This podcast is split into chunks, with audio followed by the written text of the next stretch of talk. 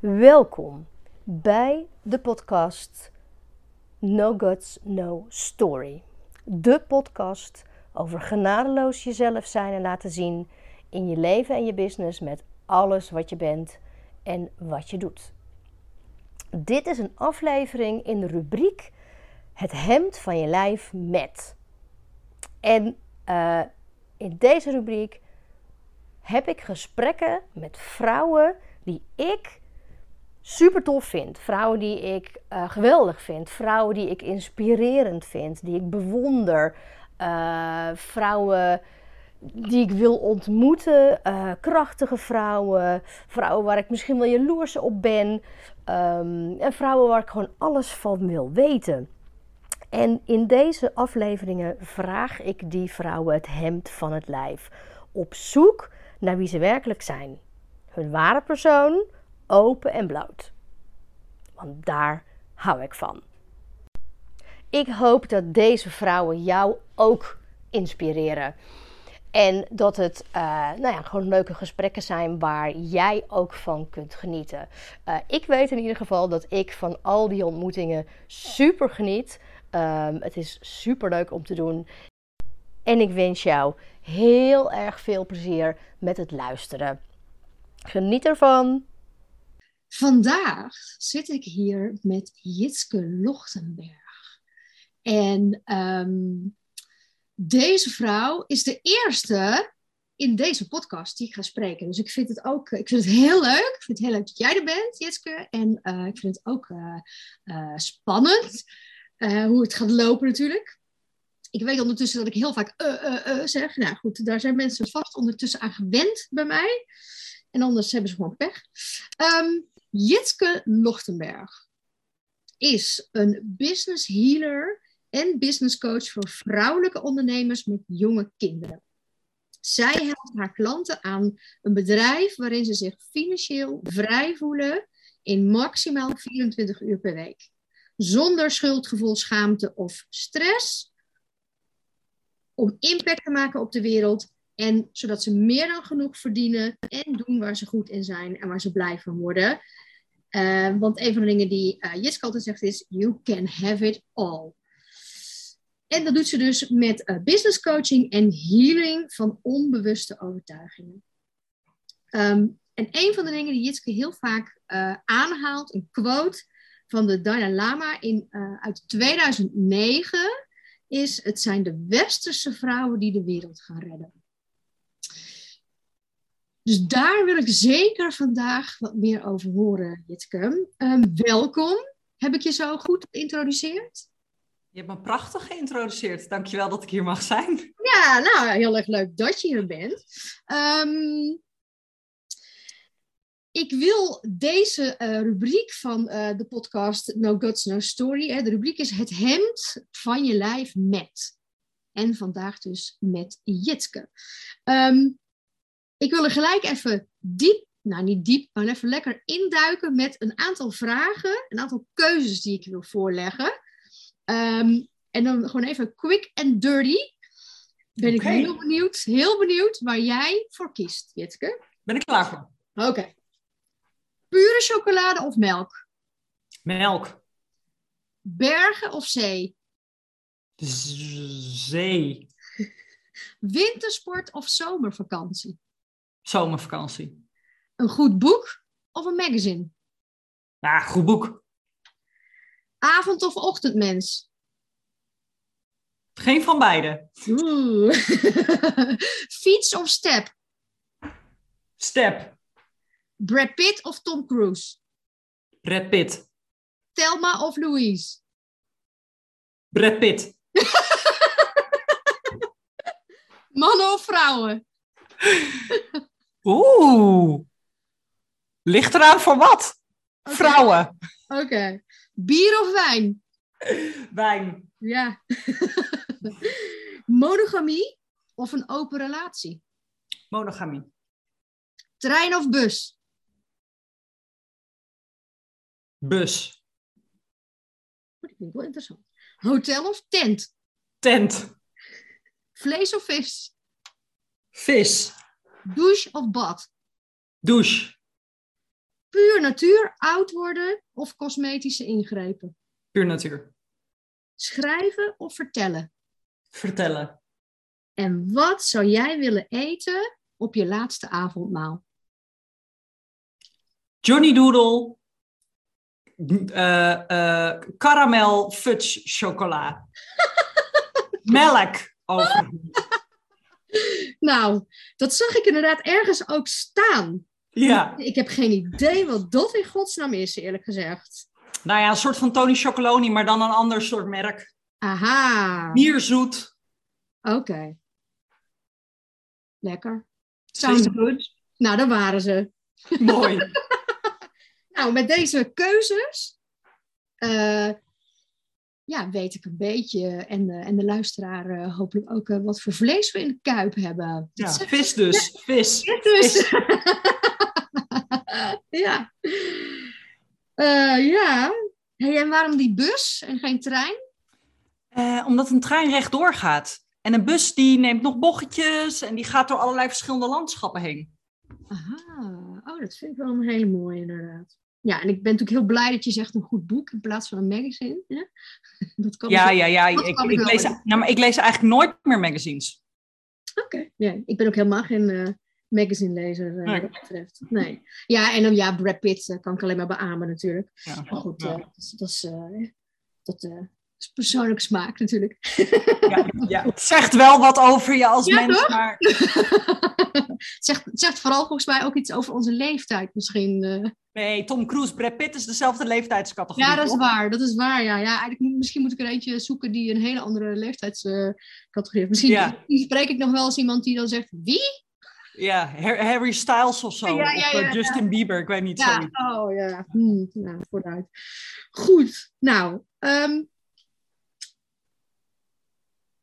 een andere vraag die ik eigenlijk meteen ook erin wil eh, gooien. Want goed, jij, jij zegt, ehm, die quote van de Dalai Lama, die haal jij heel vaak aan. Ja. Ehm, maar is er ook een, eh, een levensmotto, of een soort credo waar jij naar leeft? Ik denk het wel, ja. En dat is, eh, als ik het niet leuk vind, doe ik het niet. Oké. Kun je er wat meer over vertellen? Ja, zeker. Ehm, ik deed eigenlijk altijd al, maar er is nog, het is nog meer op zijn plek gevallen sinds ik ook ehm, me verdiept heb in human design. Zo'n soort van persoonlijkheidstest, maar dan ook astrologisch en voor iedereen die dat niet kent. Eh, Waanzinnig accuraat, overigens. Ehm, maar eh, ik kreeg een burn-out bij mijn eerste werkgever. Je 23 krijg je een burn-out. Weet je, hoe loserig kun je jezelf voelen? Eh, maar toen maakte ik wel één beslissing dat ik, als ik dan toch nog tot mijn 65ste, onder de officieel 67ste moet werken, dan kan Ja. ik het maar beter leuk vinden wat ik doe. En eh, dat heeft zich eigenlijk steeds ontwikkeld. En toen op een gegeven moment zat ik, bij, ehm, eh, zat ik met mijn manager in een bila, zoals dat dan heet, eh, bij Microsoft. En toen had ik flink de pest erover in dat ik de hele tijd Excel-bestandjes en allerlei dingen moest doen die ik echt heel stom vond. En daardoor ook niet goed kon. Ik maakte constant fouten. Weet je, dan krijg je zo'n nare wisselwerking. En toen zei ik tegen haar gekscherend, waarom kan ik niet alleen maar doen wat ik leuk vind? En zij zei, ja, dat kan. Dan moet je dat regelen, Jits. En ik weet dat ik steeds meer, en dat doe ik nu binnen mijn bedrijf, maar ook in mijn leven en, en, en nou ja, eigenlijk op allerlei vlakken, dat ik steeds mezelf afvraag, krijg ik hier eh, energie van? Voelt dit fijn? Heb ik hier zin in? Lijkt me dit leuk? En, ehm, en nou ja, in, in het human design, voor als je er bekend mee bent, ik ben een generator. En die gaan heel erg op ehm, wat brengt je flow, waar ga je op aan? Voel je een ja of een nee? En, ehm, en ik kom er steeds meer achter dat hoe egocentrischer ik ben in dat ik maar doe waar ik zin in heb en wat ik leuk vind, dat dat eigenlijk ook altijd het beste is voor iedereen in mijn omgeving. Dat is eigenlijk wel, vind ik wel heel tof, want, want volgens mij ben jij ook wel van een generatie die eh, hè, opgegroeid is en opgevoed is met het hele idee van, ehm, ja, je kunt niet alles hebben in het leven. Ehm, dus hoezo? Hè? Het leven is niet alleen maar leuk. eh. Ja. dat zijn echt wel dingen die ik enorm heb meegekregen. Van ja, het, eh, ja en, en, en weet je wel, en je moet hard werken en zo. Dus ik vind het wel eigenlijk wel heel cool dat je dan eigenlijk op best wel jonge leeftijd, hè, in half de twintig, dan die Ja. les leert. En dat je dus zo'n, zo'n, was een manager die dan tegen jou zegt van ja, het kan eigenlijk wel. Eigenlijk, ik bedoel, ja, ik heb tien jaar uh, als ambtenaar bij gemeente gewerkt. Nou, ik heb, ik heb niet veel managers gehad die, die, die dat zeiden tegen mij, kan ik je vertellen. Dus, uh... Nou, er zat wel bij haar een toevoeging aan. Ze zei: ga kijken wie van jouw collega's de dingen die jij niet leuk vindt, wel leuk vinden. Want er zijn geheid collega's die in Excel-bestanden, deelnemerslijsten en dat soort secure prikkelwerkjes heerlijk vinden om te doen. En er was bij mij een soort van besefmoment ook van, oh wauw, ja, uh, iets met elkaar aanvullen, iedereen is anders. En dat mag ik ook uitspreken. Ik hoef me niet te schamen voor de dingen die ik wel en niet leuk vind. En, um, en, ze, en ze zei daarin wel, en regel je shit. Ik bedoel, jij bent projectmanager voor die projecten je bent wel verantwoordelijk dat het goed gaat. Dus als je dan iemand vindt die de kutklussen van jou overneemt, je bent nog steeds eindverantwoordelijk. Nou, prima. Ja, inderdaad. Ja, en um, uh, oh god, mijn hoofd gaat weer sneller en dan uh, vliegt het er soms alweer met dezelfde snelheid een soort van uit. uh, ergens, dat, ik weet niet of jij dat ook wel eens hebt, maar ja. denkt en dan, en dan, en dan, en dan, shit, wat wilde ik nou toch weer zeggen? Um, Oh ja, de, wat in mij opkwam is van, ehm, had jij dan tot dat moment ook heel erg het idee dat je alles moest kunnen en alles moest doen en leuk vinden?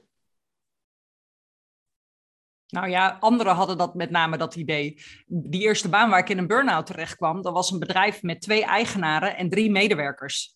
En, uh, en nou ja, we zijn nu zelf ondernemer je weet hoe gedreven je dan bent. En dan werk en privé en wanneer je wel werkt en niet werkt, dat uh, kan nogal vervloeien in het ja, vage. Um, maar, als je, nee, maar als je medewerker bent, dan wil je gewoon graag om negen uur binnenkomen, dat er koffie en thee is en dat je dan kunt lunchen om half één en dat je dan om vijf uur de deur weer achter je dicht kan trekken. Ja, ja. Uh, maar deze twee uh, fantastische ondernemers, die zagen ons dus een soort van als mini-ondernemers, maar dat waren we niet. Dus die vonden inderdaad, ja, het moet gebeuren, dus je moet het maar doen. Dus daar werd altijd alle shit over de schutting gegooid. En ik dacht elke keer, hè? Moet ik dit nou doen? Klopt dit? Heb ik hiervoor getekend? Volgens mij, ik wil dit helemaal niet op deze manier. Maar ja, mijn eerste baan, totaal geen idee wat werk überhaupt inhield. Ik ging er helemaal aan onderdoor. Ja, en ben je het toen anders gaan doen? Ben je daarna je shit gaan regelen door anderen in te schakelen? Of... Uh, nou, bij, bij die, uh, na een burn-out, en vele van ons hebben die gehad, vroeg of laat.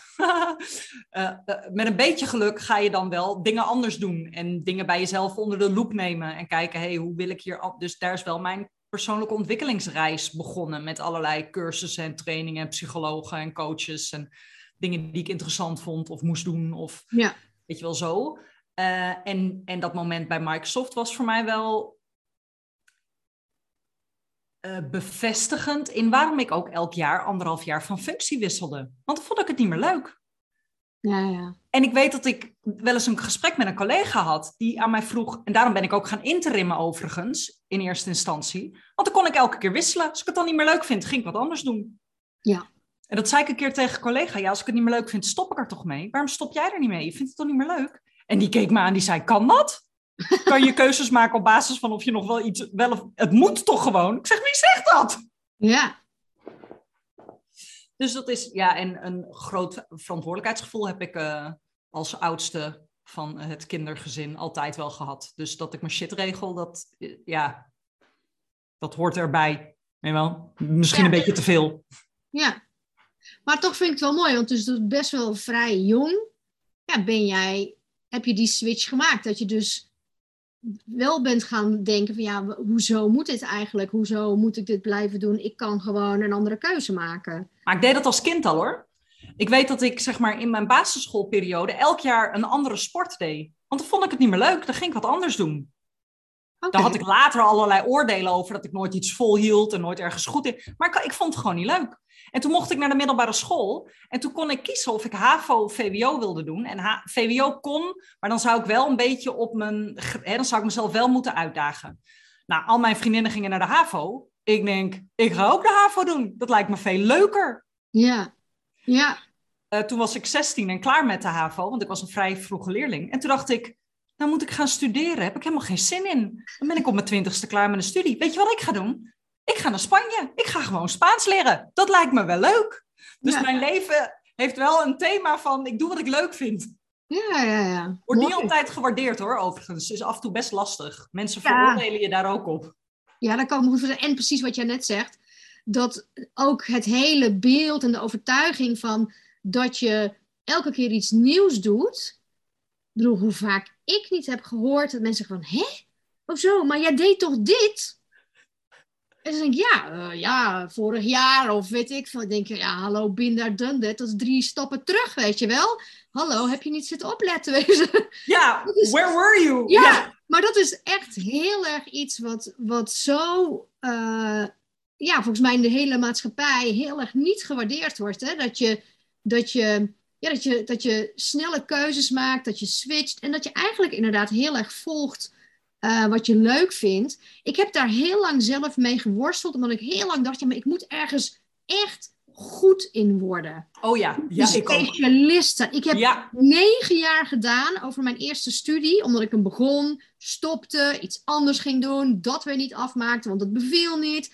Toen weer dit, toen weer dat. En uiteindelijk heb ik dan die, die HBO in een deeltijd naast een baan afgemaakt. En daarna ben ik nog een studie gaan doen trouwens. Maar, eh, dus, en dat was in een tijdsbestek van negen jaar, omdat ik altijd maar dacht, ja maar, ja, maar ik moet het vinden. Het, het, dat ene waar ik dan ultiem goed in ben en, ben Ja. en specialist. En dat is natuurlijk heel erg hoe onze wereld in elkaar steekt. Ik heb er nog soms last van, want maar uiteindelijk ben ik wel heel erg gaan zien van, oh ja, maar wacht, ik ben gewoon een hele goede generalist. Ja. Dat is ook heel veel waard. Alleen, dat betekent wel dat je jezelf heel erg moet verkopen. Of ja, verkopen, dat je dat, je moet het vaak uitleggen, want het is, het wordt niet altijd echt goed begrepen.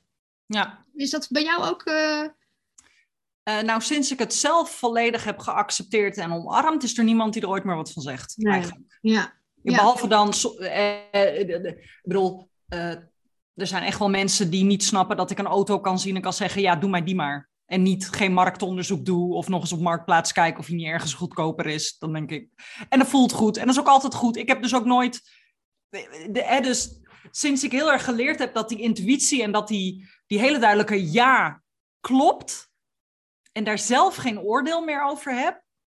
En dat gebeurt natuurlijk heel af en toe wel. En zodra die er is, hebben anderen er ook weer een oordeel over. ja, ja. Heb ik daar bijna geen last meer van. Maar dat is wel anders geweest. Ja, ja en volgens mij ehm, is dat, eh, volgens mij is dat best wel een beetje samengevat, de kern van waar jij je nu mee bezighoudt. Ik bedenk me trouwens nu, ik heb helemaal niet verteld waar wij eigenlijk elkaar van kennen. Oeps. Kan alsnog. Jouw podcast. Je moet lessen, ook lessen leren hè, bij zo'n eerste gesprek. eh, eh, ja, lieve luisteraars. ik ken Jitske omdat ik in 2020, het fameuze 2020, Ja. hè, het eh, ongelofelijke 2020, het jaar wat eigenlijk een soort van poef verdwenen is bijna in de, eh, hoe zeg je dat, in de analen, zeg je geloof ik, eh, heet dat? Oeh, correct me if I'm wrong, luisteraars. Ehm, toen heb ik een mastermind gedaan bij Jitske een business mastermind. En toen hebben we, wat is het, negen maanden eh, Ja. met een groep vrouwen. Eh, heb ik met jou gewerkt, inderdaad. Inderdaad, en we begonnen helemaal live. En echt met een soort van yes, een heerlijk nieuw jaar. En toen kwam inderdaad corona en stond echt alles op zijn kop. Maar goed, oh het, mijn god. ja, het was echt een eh, intens jaar, zullen we maar, eh, Ja. zullen we maar. Maar goed, daar kennen we elkaar van. Ja. En het grappige is wat jij zegt over als ik zo'n duidelijke ja vond. Ik heb dat ook heel sterk. Hè? Ik ehm, als we het dan over human design hebben, ik ben een eh, manifesting generator. Of een manifesting generator, dat is net anders. Maar ik heb ook dat hele sterke eh, een ja of een nee voelen. Dus ik kan inderdaad over soms hele grote beslissingen. Ja, die kan ik soms echt met een vingerknip maken. Omdat ik gewoon echt weet, ja, maar ja, gewoon alleen maar ja, ja, ja. En dat had ik met jou toen ook.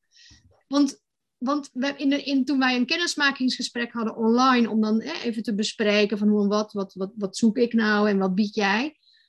Toen, ik denk dat jij toen ook al vroeg van ja, en hoe ken je me eigenlijk? En toen zat ik echt, ja, hoe ken ik je eigenlijk? Hoe ken ik je eigenlijk? Dat ik weet van ja, ergens plopte je op op Facebook. En, en toen, toen zag ik wat en dacht ik, oh, deze vrouw is leuk, deze vrouw vind ik inspirerend en jouw, jouw eh, dynamiek, jouw energie, die, die, die, die, nou ja, zeg dat? Die, de, de- daar voelde ik echt verbinding mee. En toen was het eigenlijk heel snel gepiept, inderdaad. Ook heel snel. Ja. dit wil ik gewoon doen, weet je Ja, ja was dus mooi. ik, ehm, ja, dus ik herken dat één. En, ik, en het mooie is wel, want, ehm, hè, voordat ik jou ontmoette, heb ik met, met, met een eerste business coach. Oh ja, daar kennen we elkaar natuurlijk eigenlijk van, bedenk me nu. Van, van Marloes.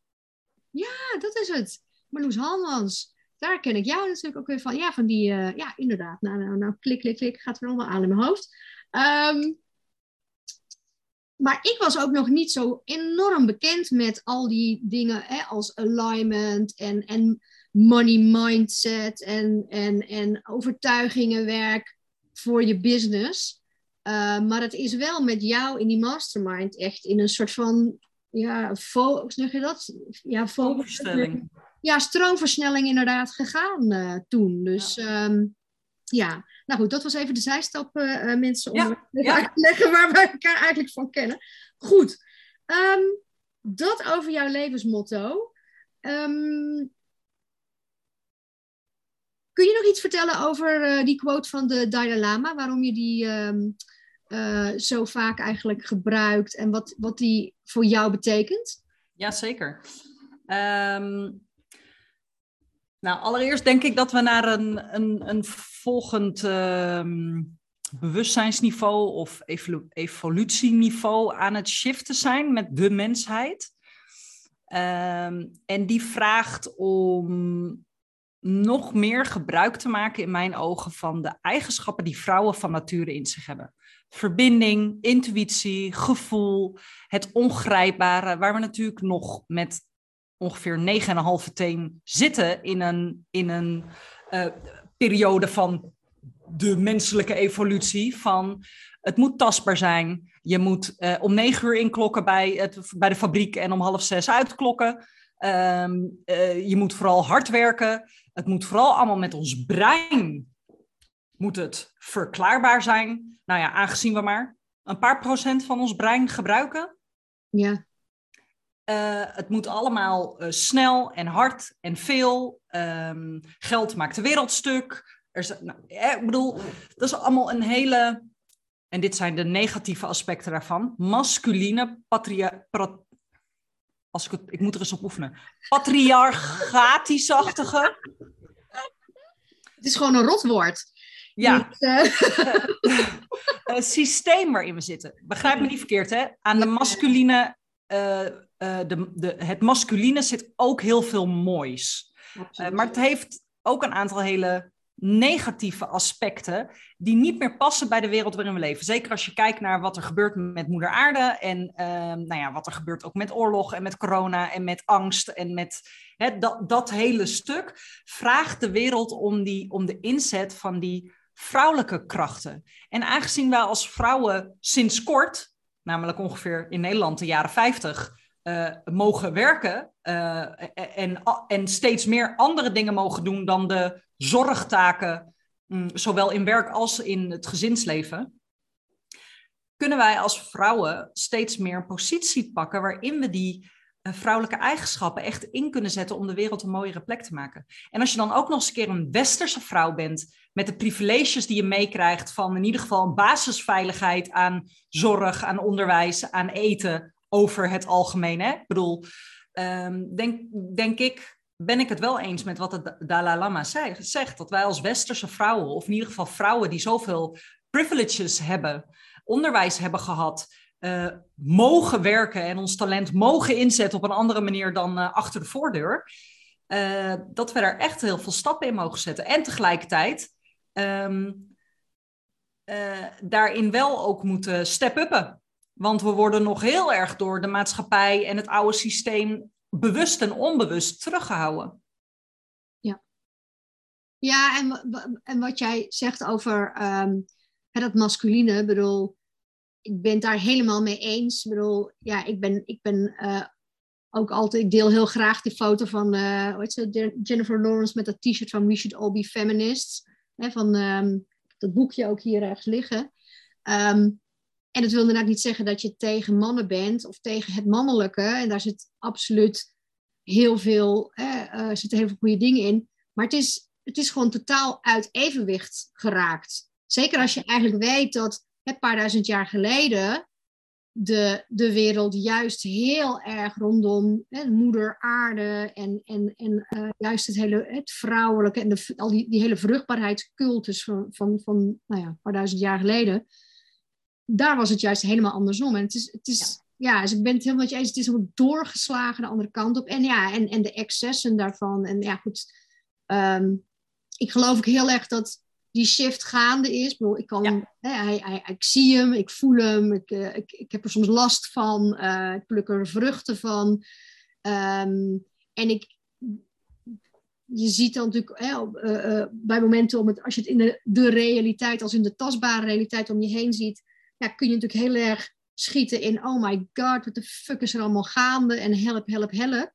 En ik hou me dan ook altijd heel erg voor van ja, deze shift is gewoon nodig en we zitten erin. En het is gewoon heel erg hè. Want ja, we zijn net 2020, 2021 was natuurlijk, nou ja, die hele pandemie, heavy shit.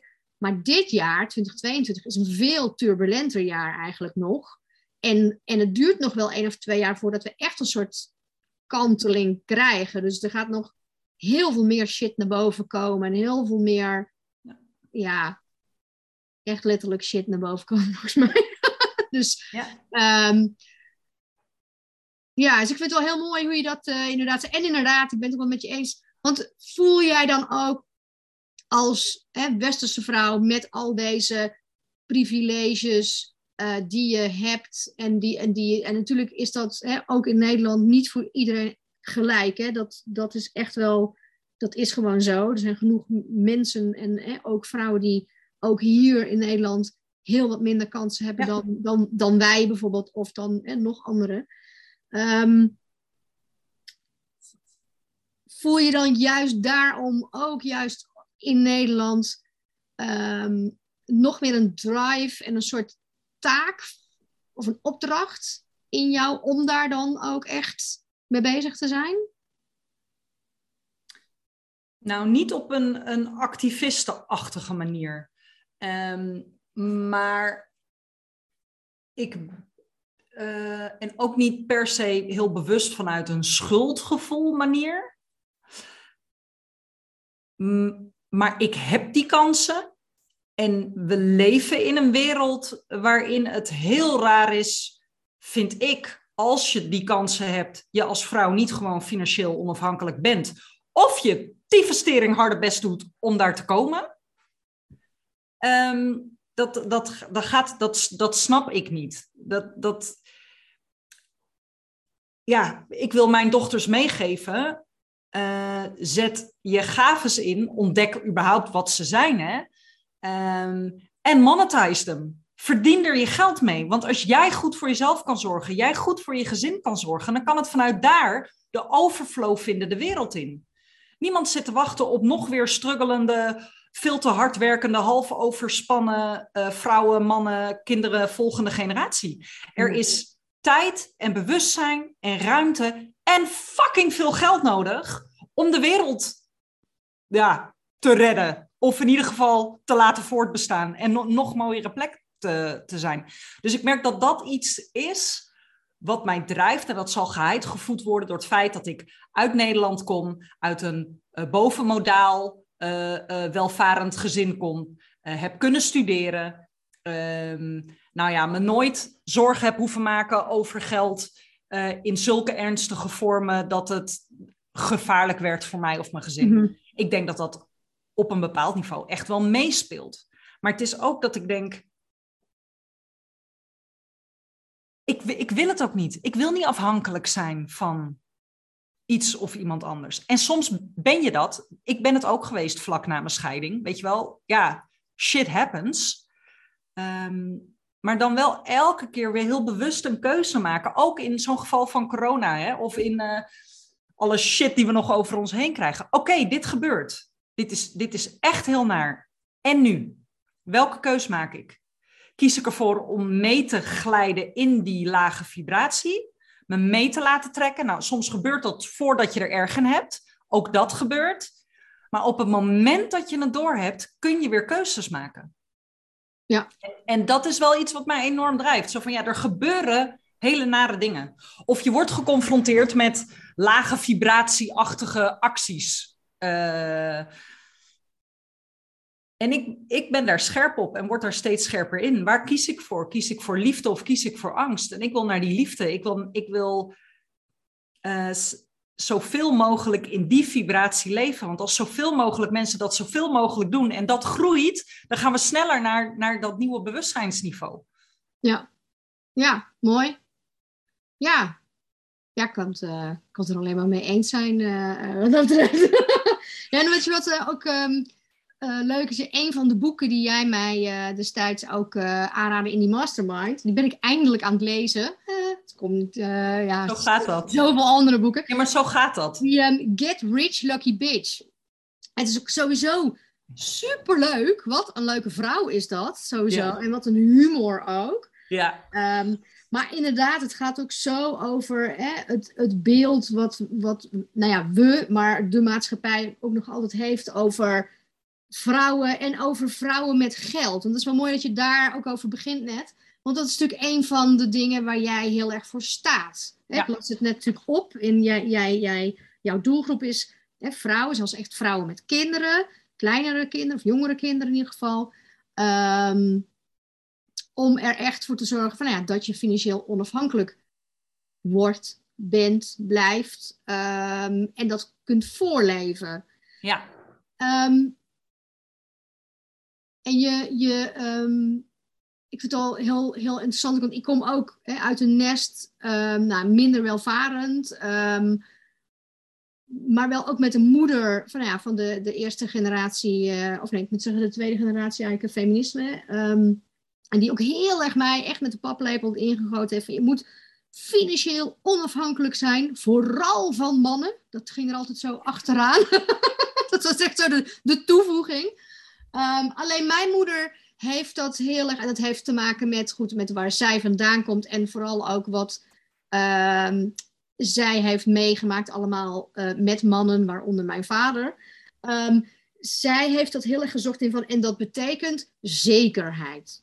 Geen risico's nemen, een vaste baan, uh, stabiliteit. En dat heeft ze op een gegeven moment zelf heel erg gezocht en gekregen.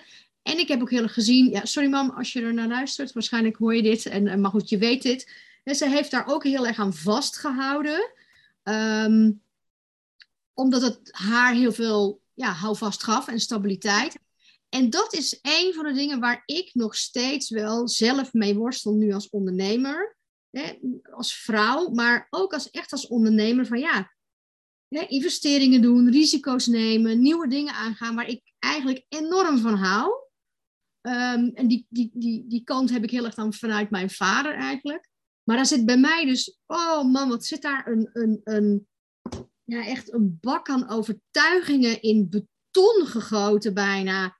Overheen van, nee, dat mag niet. Weet je wel, dat is niet goed. Ja. Plus ook heel erg dat beeld, en dat vind ik zo mooi in dat boek. Want daar, daar heeft zij ook hè, van, als je rijk bent, dan ben je als vrouw een diva, een bitch. En dan ben je asociaal en dan ben je oppervlakkig. Ah, dat is ook echt helemaal ja, wat er bij mij zo diep in zit van al die, al die overtuigingen over geld.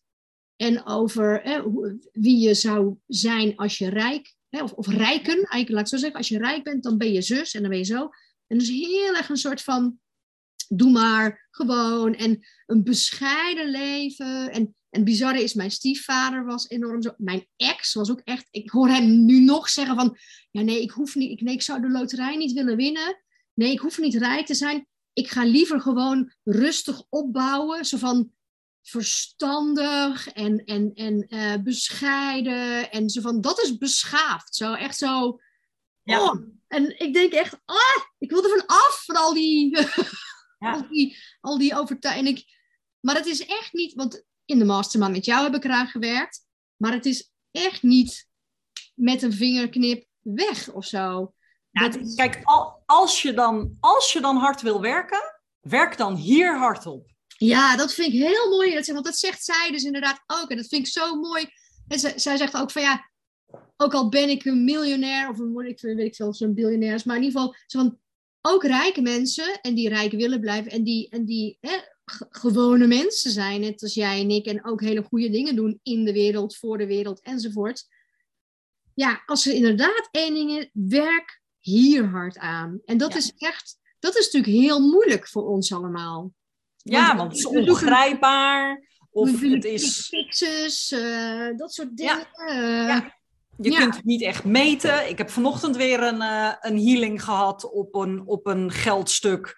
Um, en op, uh, op mogen ontvangen. En na joh, even, daar kwamen dingen naar boven. En, en ik zag in één, in één hè, zag ik een patroon. Ik denk, shit, dat gebeurt bij mijn klanten. Ik heb dat van mijn ouders. Oh, het ging, was een healing voor jou, ging het? Voor mij, voor mij. Ja. Ik deed het bij mijn ex. What the fuck? Ik doe het ook bij mijn nieuwe vriend. Sterker nog, mijn beste vriendinnen, daar zit die interactie zelfs in. Dit was een patroon van uh, uh, het moeten fixen voor een ander. Waar ik toch wel, nou, al best wel wat op heb gedaan en zo. En er kwam nu een subtiliteit bij. Een, een zo'n speldeprik die je bijna niet kan zien, die overal in zat. En ik oh, heb er vandaag weer een healing op gedaan, op gehad dan dus. Uh, en dan voelt het meteen weer zoveel malen lichter. Ik zag zelfs situaties die er deze week gebeurd zijn, waarin ik het ging fixen voor de ander, terwijl de verantwoordelijkheid echt volledig bij die ander lag.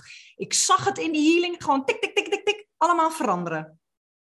Maar ja, ik kom met een vraag bij mijn coach met, uh, ik kom niet door een omzetplafond heen. Ik zit, ik zit er weer tegenaan. Hoe, hoe, hoe, hoe dan? Ik had hier toch het werk al op gedaan? Dat is de vraag die ik haar stel. Ja, wat is dat nou voor vraag, weet je wel? Regel het voor me. Doe iets. Ja, nou ja, is ook dit, uh, echt uh, een, een mooi voorbeeld van uh, every level has its new devil, toch? Ja, ja, ja, ja, mooi. Ja. Ja, vind ik wel vind ik mooi. En um, jezus, ik, ik, ik, wist dat dit zou gebeuren trouwens. Dat ik, denk, oh ja, ik had een vragenlijstje gemaakt. ja, joh, de beste gesprek toch? Ja, ja, ja, nee. En, en we hebben al best wel eh, ook onderwerpen van die vragen zijn ook al aan een soort van aan bod geweest. Maar um, um, nou ja, als je, want jij vertelt nu over, oké, okay, vanmorgen is er, um, als je het nou hebt over een soort big shifts, en, en je vertelde al over uh, toen je uh, half de twintig was en die burn-out zat, is er um, op het vlak van, nou ja, wat je net zegt, je, je, je refereert aan je scheiding, dat je toen niet financieel onafhankelijk was daarna een tijdje. Um,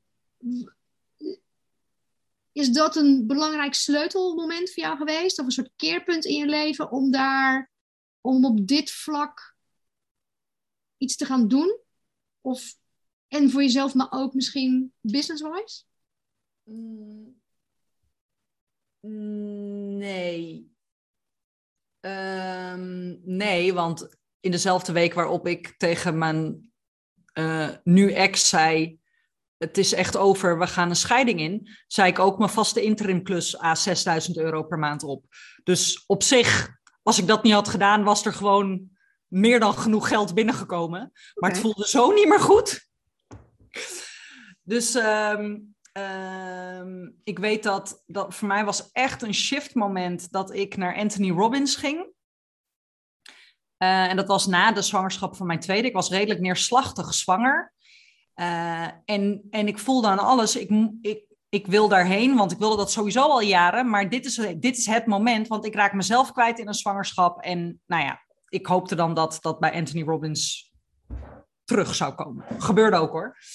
En wat we daar deden is op dag één, zonder dat we het wisten, waren we ons aan het voorbereiden met ons mindset en met onze, hij heeft het dan over state en inner state, mhm. ehm, op een vuurloop. Dus uh, eh, 16 meter over een uh, hete kolenpad heen lopen. En ik weet dat we dat toen met 12.000 man deden. En daarna dacht ik twee dingen. De eerste gedachte was: als ik met mijn mindset ervoor kan zorgen dat ik zonder mijn voeten te verbranden over hete kolen kan lopen, wie denk ik wel niet dat ik ben door tegen mezelf te zeggen: eigenlijk wil ik coach worden, maar er zijn er al zoveel anderen, dat gaat me nooit lukken. Dat is dan toch makkelijker dan over vuur lopen. Dus dat was voor mij echt een shiftmoment. En toen realiseerde ik me ook, als 12.000 mensen dit in één dag kunnen, dan wil ik nooit meer van niemand niet horen, ik kan het niet, want bij mij of voor mij, nee. Dan is het een kwestie van tijd, dan is het een kwestie van doorzoeken. En zoals een vriendin vanochtend heel mooi tegen mij zei, bij sommigen moeten er drie domino-blokjes om en gaat het stromen. En bij sommigen zijn het er 300. Dat is echt voor iedereen anders. Daar gaat een ander tijdsframe overheen. Maar als je het werk doet en je houdt vol, dan, dan kan iedereen het. Nou, bij Anthony Robbins lukte het hem om, om 12.000 mensen in 24 uur zover te krijgen. 12 uur, weet ik veel. Ehm, maar dat was voor mij wel een, wel een, weet je, we kunnen zoveel meer dan we denken. Allemaal, iedereen, waar je ook vandaan komt, wat je uitgangssituatie ook is. Ja, mooi. ja, vind ik, ik moet meteen denken aan mijn oma, waar ik een hele goede band mee had. En die zei ook, ook hè, en, bedoel, die, die was van, wat is het, 1922. Um, ehm, die is midden in de oorlog getrouwd uh, destijds. Maar die zei ook altijd van ja, als je het wil, dan kan het. alles kan. En ik heb genoeg mensen in mijn omgeving die helemaal niet zo denken. Ja, nee, maar dan kan niet dit en dan kan niet dat. En ik heb ook van die periodes dat ik dan, dan ga je alleen maar denken inderdaad in, in, in eh, beren op de weg. Of ja, maar hoezo dan? En in cirkeltjes ronddraaien. Maar inderdaad, eigenlijk is het gewoon, ja, total bullshit. En dat wil niet zeggen dat je inderdaad misschien precies op die plek uitkomt, hè, op die stip aan de horizon die je exact daar hebt getekend. En misschien, misschien kom je wel op een betere stip uit, weet je wel. Dus, dus ehm, het gaat er inderdaad om dat je gewoon echt gaat geloven en dat je, um, ja, dat je ook het gaat ook heel erg om een eerste stap nemen. Dat heb ik heel erg moeten leren. Dat heb ik volgens mij ook in de master met, met jou heel erg even, ja, baby steps. Ja. ik ben iemand die altijd heel graag, ja, gewoon lekker bam in één keer zo, alles tegelijk, uh, helemaal gaan en uh, gewoon, ja, daar, daar, ergens hou ik daar heel erg van. Dus ik ben gewoon niet zo'n geduldig mens. Volgens mij heeft het daar mee te maken. Um, maar dat is wel wat echt, wat ik heel erg aan het leren ben al een tijd. Um, om echt inderdaad, ja, gewoon te denken, ja, elke stap is er één. En het gaat om dat je inderdaad je eigen keuzes maakt en gewoon stappen neemt. En dat je, dat geeft natuurlijk echt heel erg een gevoel van, ja, dat je, dat je um, regie kunt hebben op je leven. Hè? En, en, en, geen machteloos gevoel of zo uh, hebt van, oh, de wereld, oh, ja. weet ik veel. Um, dus ik herken dat uh, heel erg. En ik, en ik, ja, ik, ik ben wel iemand die ik kan daar soms heel erg uh, in zitten. Ehm, en daar ben ik, ik ben, ja, ik heb ook allerlei dingen gedaan als je het hebt over persoonlijke ontwikkeling. En ik ben sinds een paar jaar echt op het, ja, het pad van tantra uh, uh, ja, beland, wilde ik zeggen. Maar nee, ik ben er zelf opgestapt.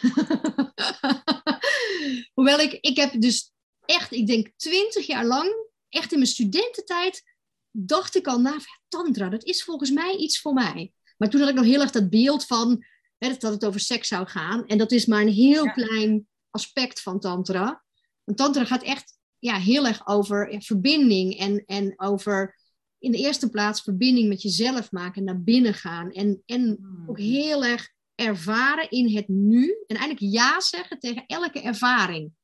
Ja. Dus ook als je je zwaar kut voelt, wij spreken, of er komt pijn of verdriet omhoog, dat je je hoeft er niet in te gaan zwelgen, maar zelfs als je er even, even een half uur of een dag in wil gaan zwelgen, whatever, dan is het ook oké. Alles is oké, jij bent altijd oké. Ja. Um, en wat zit daar dan nog onder? Of we, vooral ook heel erg het meebewegen daarin. En we hebben, we hebben als mensen zo'n ontzettende angst voor, hè, voor pijn vaak ook. Dat is ook iets wat ik heb geleerd van de, de zwangerschapshaptonomen toen ik zwanger was die zei ook van ja, we zijn altijd bang voor pijn. Dus de meeste vrouwen, als ze gaan bevallen, dan doen ze een soort van, zo weet je wel, zo omhoog. Ja. Van, oh nee, weg van de pijn, weg van de ja. pijn. Als er nou één beweging niet zo handig is als je een kind eruit moet poepen, dan nee. je omhoog. En je moet juist naar beneden, weet je, alles ja. laten. En daar is dat voor mij ook echt begonnen. En dat is ook de tantra heel erg van bewegen in mee. Ja. En dan kom je vanzelf weer op een andere plek. In jezelf ook. En dat vind ik er ook echt ja, prachtig aan.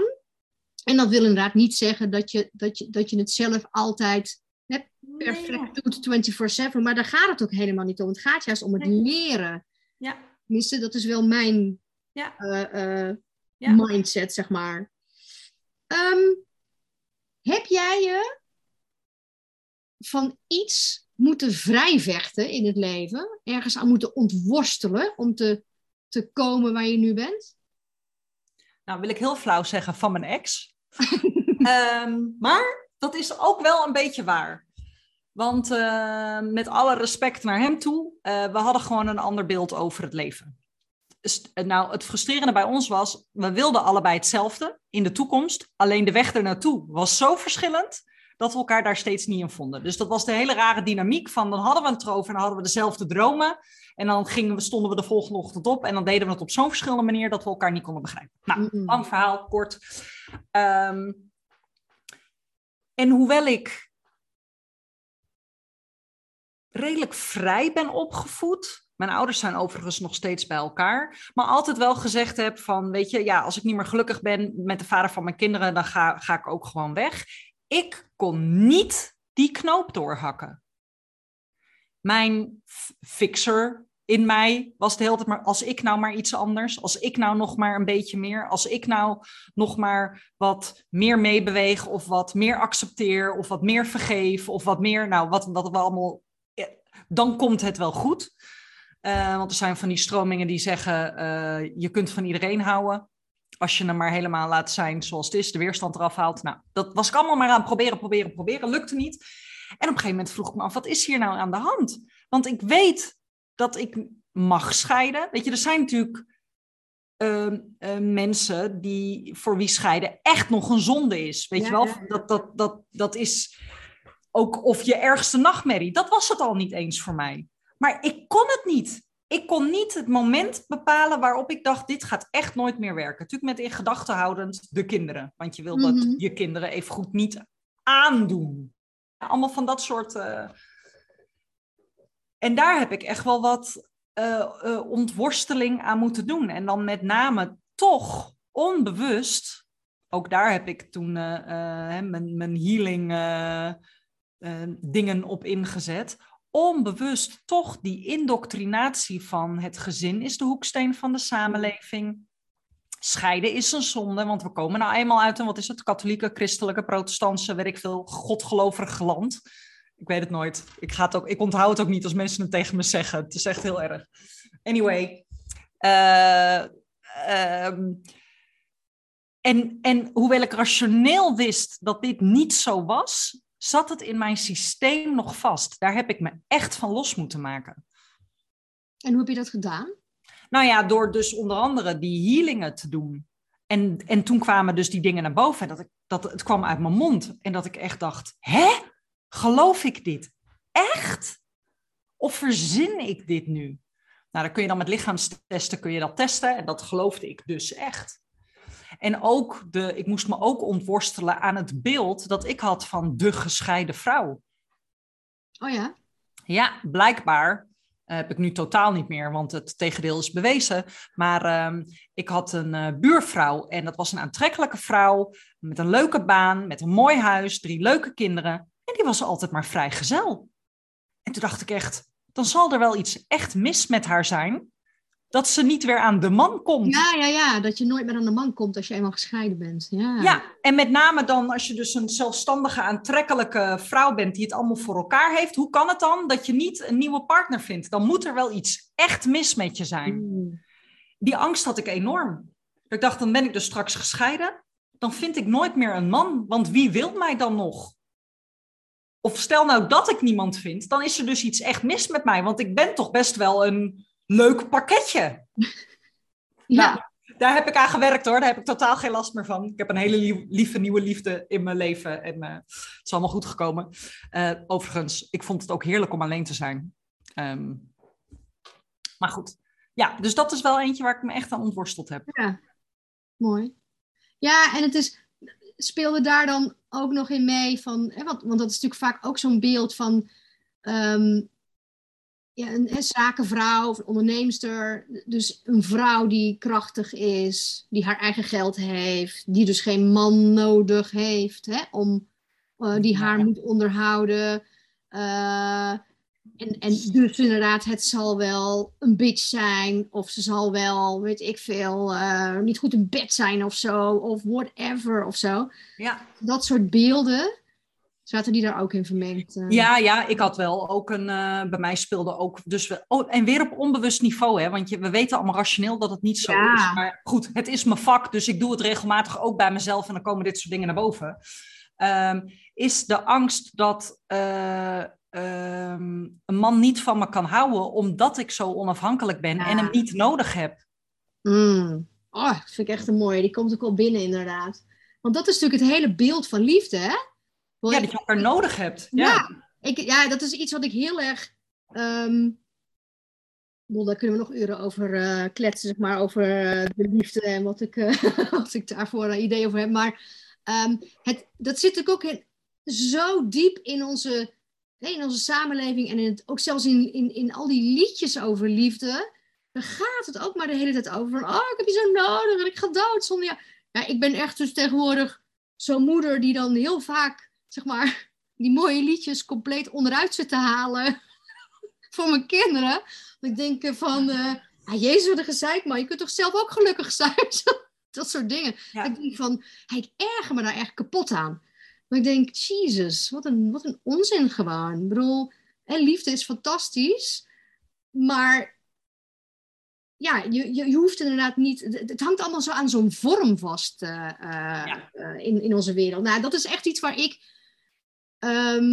Ja, de- een, een van de vragen was ook van: goh, heb jij last van een soort. Hè, zijn er taboes in jouw leven? Of ben je taboes tegengekomen waar je last van hebt? Nou ja, ergens.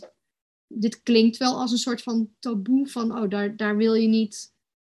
ehm zeg, wil niet zo'n vrouw. eh, eh, als zo'n vrouw eindigen. Ja. Ehm, ik vind dat wel iets echt over hè, vorm van inderdaad hoe wij als vrouwen zouden moeten leven. Ehm, ja, je moet een man en pas dan ben je echt gelukkig en dan heb je het voor elkaar. En eh, het is wel iets waar ik heel erg, ja, hoe zou ik het zeggen, Ehm, ja, gefixeerd is een te groot woord. Maar het is wel, ja, het is een, ehm, een soort eh, blik die ik wel op de wereld heb vaak. En ook op, op dingen die ik op Instagram zie. Of eh, dat ik denk van, oh ja, je ziet toch ook heel vaak nog vrouwen die dan bijvoorbeeld ehm, het goed doen in de wereld. Populair zijn of veel volgers. Dat zijn, die hebben toch vaak een soort van de whole package die er zogenaamd moet zijn. Weet je wel? Van ze zijn en mooi en ze hebben een geweldige man en ze zijn moeder en ze doen het fantastisch. En oh, dat zijn dan wel van die dingen waar ik denk, "Ugh." Ook daar zitten addertjes onder het gras. Het is niet allemaal. Hè? En zouden ze dat dan meer moeten laten zien? Ik hou er wel van, maar dat is het stuk waar ik wel van. Ik hou wel van ehm, ook het rouwen laten zien. Kijk, dat vind ik dat jij dat ook doet, ook hè, op je social media. Ehm, op momenten dat het niet allemaal even vlekkeloos loopt. Of zoals jij laatst die challenge had. En dat jij deelde op een gegeven moment dingen over. Wacht, ik krijg hier signalen vanuit mijn klanten. Dat ze eigenlijk een deel daarvan nog niet helemaal klaar zijn eigenlijk voor die mastermind. En ik heb eigenlijk niks voor ze. Dus oké, ik ga een ander product voor ze maken. Om die, hè, om die vrouwen ook te kunnen helpen. Maar daar zit natuurlijk ook een soort van. Daarmee geef je jezelf bloot als mens als ondernemer van, oh, ik ben niet perfect, ik eh, bedien niet iedereen. Oh, eh, mijn, mijn eh, launch of zo is niet hè, mega succesvol dat alles vol zit. Of dit.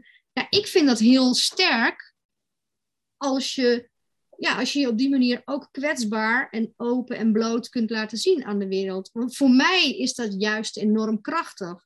Ja. En dat is natuurlijk waar ik heel erg mee bezig ben met hoe laat je jezelf zien? Hè? En nou ja, goed, het hele, de hele podcast gaat ook over genadeloos jezelf zijn en laten zien eh, in je leven en je business, met alles wat je bent en wat je doet. Ehm, en natuurlijk is alles daar best wel een lastig begrip in. Want ja, ook ik zit wel eens op momenten, ik bedoel, van de week had ik echt, nou ja, een dag dat ik echt dacht ja, oké, dit wil ik toch liever niet laten zien aan de wereld. Want it ain't pretty, zeg maar. Dat ik me en zwaar kloten voelde. En vervolgens ontzettend bonje ging maken met, uh, met mijn partner. um, maar tegelijk denk ik, ja, je, hè, dus je hoeft niet echt alles, alles, laten we zeggen, hè, alle vuile was buiten te hangen, zoals natuurlijk vroeger altijd, uh, zoals die uitdrukking is van, oh nee, niet vuile was buiten hangen. Maar toch geloof ik heel sterk in, um, ja, heel erg jezelf en persoonlijk laten zien, ook heel kwetsbaar. En natuurlijk is het wel handig, maar goed, dat is hè, natuurlijk ook wat jij heel goed doet, eh, vind ik, dat je het vervolgens gebruikt, of de, zeg je dat, de keerzijde daarvan laat zien, of laat zien hoe je het om kunt buigen en voor je kunt laten werken ook uiteindelijk. Ehm, en dat vind ik dan eigenlijk ook alleen, dus dat niet zo van, oh, um, een drukje of zo. Het laat juist ook wel heel erg zien, waar we het ergste straks volgens mij ook over hadden, dat je um, dat er altijd werk te doen is en dat je altijd verder ontwikkelt en altijd leert en dat er dus eh, no shame is in dat je af en toe um, nou ja, op je bek gaan is al een groot woord. Ja, soms ga je op je bek en soms dan, dan gaan dingen niet zo uh, vanzelf als je zou willen, bijvoorbeeld. Ja, ik, ik zou het heel fijn vinden als meer mensen uh, dat zouden laten zien. Omdat het, iedereen heeft dat namelijk. Het is juist heel herkenbaar, want we zijn allemaal mensen en we, we maken al die dingen mee. Dus ja, ik geloof juist heel erg, laat ook dat soort dingen zien, want dan verbind je juist veel sterker met hè, je fans of je, je, je lezers of je luisteraars of je, uh, je ideale klanten um, of, je, of, of, je, wat is het, je Facebookgroep of whatever. Ja. Um, en dan denk ik ook heel vaak van ja, dat zouden politici ook eens wat vaker mogen doen. um, dus ja, ik vind dat wel, uh, dat is wel waar ik ook heel erg voor sta en wat ik wel ook heel erg zie bij jou vaak. Dat het, uh, of vaak, uh, dat je dat heel mooi doet bij momenten. Ja, en ik vind dat, ik vind dat heel krachtig. Hm. Ja. ja, want vind jij dat je heel erg genadeloos jezelf bent? In je leven, in je business? Nee. Nee? Nee. In die zin ik probeer het. Uh, maar je moet maar, je, je zal maar eens weten wie je bent. Dat is alleen al een uh, ding. Ja. Weten wie je bent. Ja. En wat je dan echt wil. Ja, ik, ik ben nogal een trial and error typeje. Ik uh, bedenk iets, ik probeer het, lukt het, lukt het, lukt het niet, lukt het niet. En dat gaat me steeds makkelijker af. Um, met enorme diepte dalen dat ik mis enorm gefaald heb. Ik bedoel, that, we've passed that stadium. Dus ik vind dingen die niet lukken zoals ik van tevoren bedacht heb, uh, niet heel vaak meer een mislukking. Nee. Um, maar genadeloos jezelf zijn, ja, wat, wat is dat überhaupt? Je stelde de vraag in het voorgesprek. En toen dacht ik, ja, wat geef je daar voor een antwoord op? Ben je genadeloos jezelf? Nou, nee. Ik bedoel, uh, gisteren had ik een, uh, een, uh, iets met een klant. En dat vond ik moeilijk en dat raakte me en dat was niet fijn. Dan ga ik niet op dat moment genadeloos in alle emoties op social media delen. Vind ik niet respectvol naar de persoon om wie het gaat. Ehm, wordt verkeerd geïnterpreteerd, want er komen allemaal emoties van verdriet en boosheid en kle innerlijk klein kind en weet ik veel wat voor dingen bij kijken. Ja, ik kan niet verwachten dat over de social media schutting te gooien en dat mensen dan daar, wat moeten ze daarmee, weet je wel? Dus ja. als je het hebt over de vuile Dus ja, ben je dan genadeloos jezelf? Nu kan ik het erover hebben met jou hier. En ga ik daar niet ingewikkeld of moeilijk of, of als ja. je er nou zou vragen over doen. Maar als jij mij vraagt, wat is de echte reden van de scheiding en wat, wat zit daar allemaal achter de deur? Ja, ga ik niet delen. Ben, ben je dan genadeloos jezelf? Nou, nee, voor, voor mij niet. Volgens mij, kijk, ik denk dat iedereen kan dat uh, zijn eigen betekenis geven. Maar voor mij betekent het dus niet dat je inderdaad alles moet blootgeven. Eén, inderdaad, je hebt met andere mensen te maken. Um, maar, en zeker, ja, en, en überhaupt blootgeven. Kijk, je kwetsbaar opstellen en je blootgeven in een relatie is al heel ingewikkeld uh, vaak en, en, en moeilijk. En ehm, daar is het al heel ingewikkeld om het altijd te zijn, weet je wel. Dus, en, en ik denk ook, ja, waarom zou je per se, je hoeft ook helemaal niet alles op social media te gooien. Ik bedoel, helemaal niet zelfs, vind ik. Ehm, voor mij. Wat dan genadeloos jezelf zijn? Ja, nou ja, ik vind, het, ik vind het zelf dus ook. En ik van, wat betekent het dan ook voor mij? Ehm, misschien, ik zit, jij zit net te vertellen, denk ik van, oh ja, misschien moet ik dan uh, veranderen in genadeloos proberen jezelf te zijn. nou ja, ik denk dat het voor mij, voor mij is het, um, zit het wel heel erg in de lijn van um, taboes benoemen en wel heel erg gaan, gaan laten zien waar je voor staat en waar je in gelooft. En dat, um, en, en dus ook je dromen najagen en proberen dat waar te maken. En ik denk dat het voor mij ook heel erg betekent. Kijk, want ik ben iemand die, bedoel, ik, ik, ik werk met ondernemers, maar ik werk ook met particulieren. En ik schrijf mijn eigen werk. En voor mij is het heel erg een, een zoektocht geweest um, in hoe moet ik dat naar buiten laten zien. We komen helemaal terug op wat we in het begin over hadden, van dat mensen zeggen, hè, doe je nou dit? Uh, weet je wel? Zo van, dus daar zit voor mij volgens mij, oké, voor mij is genadeloos mezelf zijn, is, is ja, echt te proberen leven, inderdaad, alles te doen wat ik echt leuk vind. Um, met mensen die ik leuk vind en heel veel leren. En alle kanten van mezelf durven laten zien. En kijk, ik laat natuurlijk best wel dingen van mezelf zien als ik schrijf. En ik ben nu aan een nieuw boek bezig. Nou ja, dat is heel spannend. Mijn schrijfcoach die zei: ga alles opschrijven. Vooral alle dingen die je niet durft op te schrijven. En dan zien we straks wel wat daar in het boek belandt. Um, dus ik vind het ook heel moeilijk.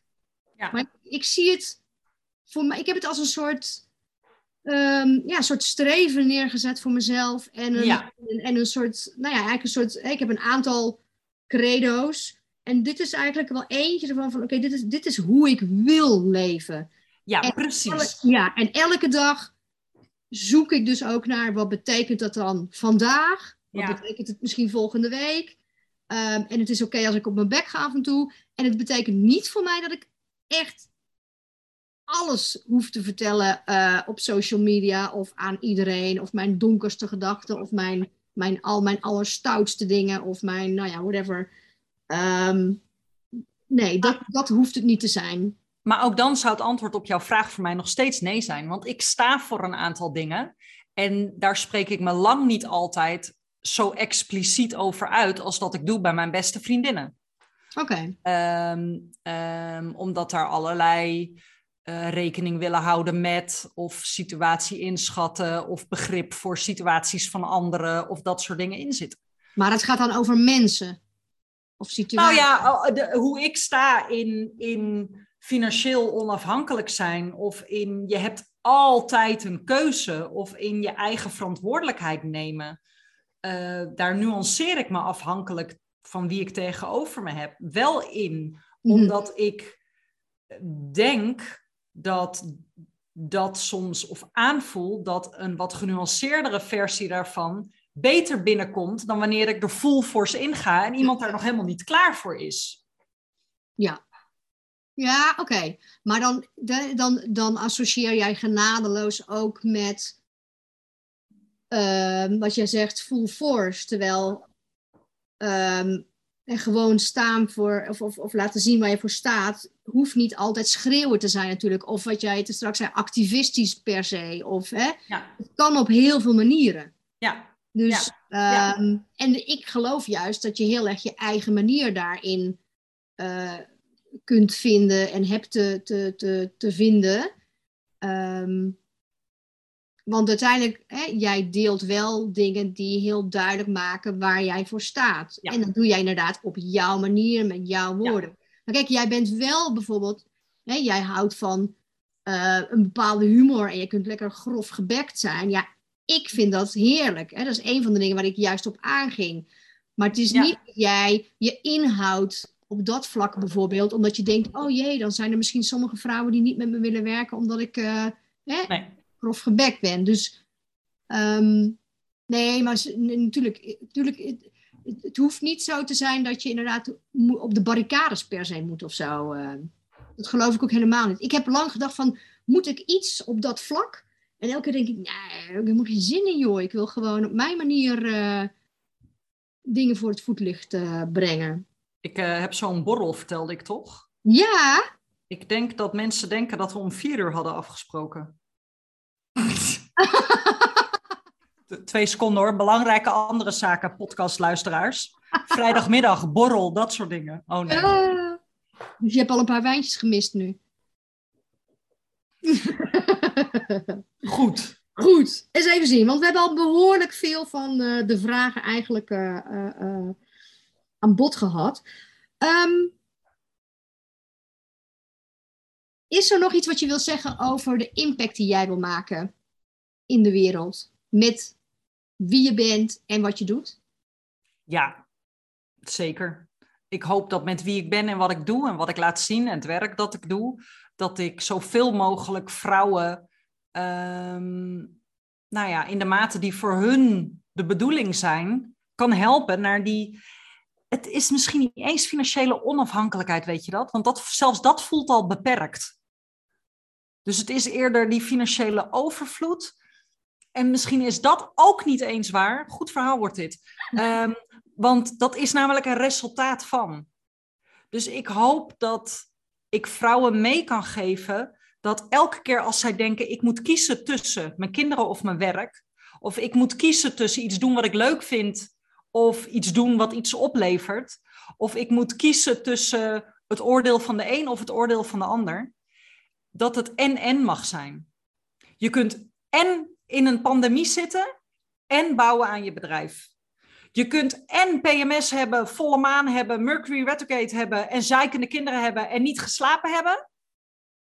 En doen wat je graag wil doen, maar waar je al die redenen voor gebruikt waardoor het niet kan. En je kunt er ook voor kiezen om het wel te laten stoppen. Dus, dus ik hoop dat ik met, met nou ja, wie ik ben en wat ik doe, dat bewustzijn van je hebt een keus. En de keuze is oké, ook als je kiest voor even niet. Het is oké. Als je je maar bewust bent dat jij degene bent die ervoor kiest. Ja, mooi. Dat zou je eigenlijk, ik weet niet of dat resoneert, maar ik zou het ook gewoon samenvatten als echt, echt keuzevrijheid. Dat de vrijheid in jezelf zit ook. Ja. En dat je die ja, zelf invult wat dat dan is. Ja. Ja.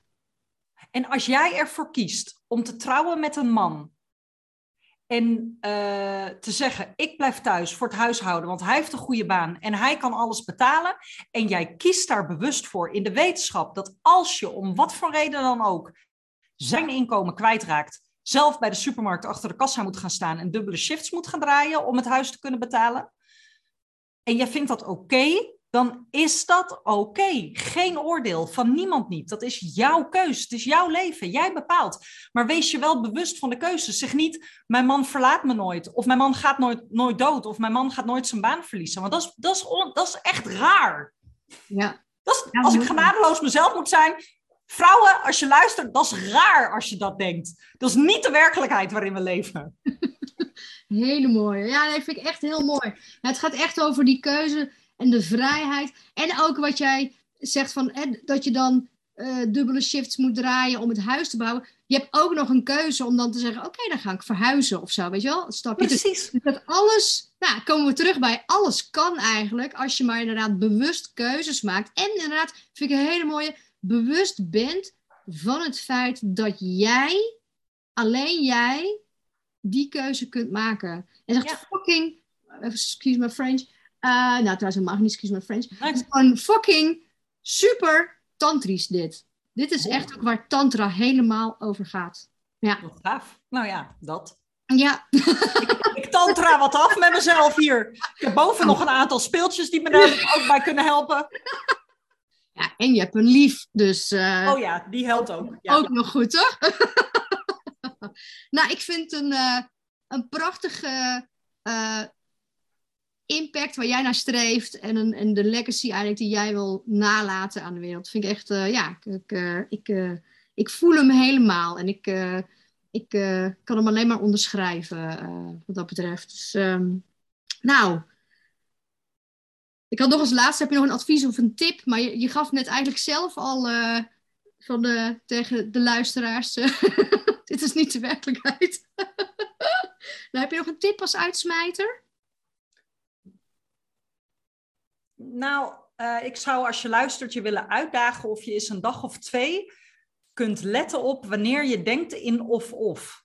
En wat er gebeurt als je, als je dat denkt, om er en van te maken.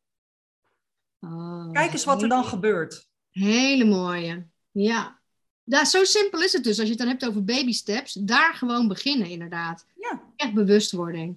Ja. ja, en dat is wat we gewoon nodig hebben op dit moment.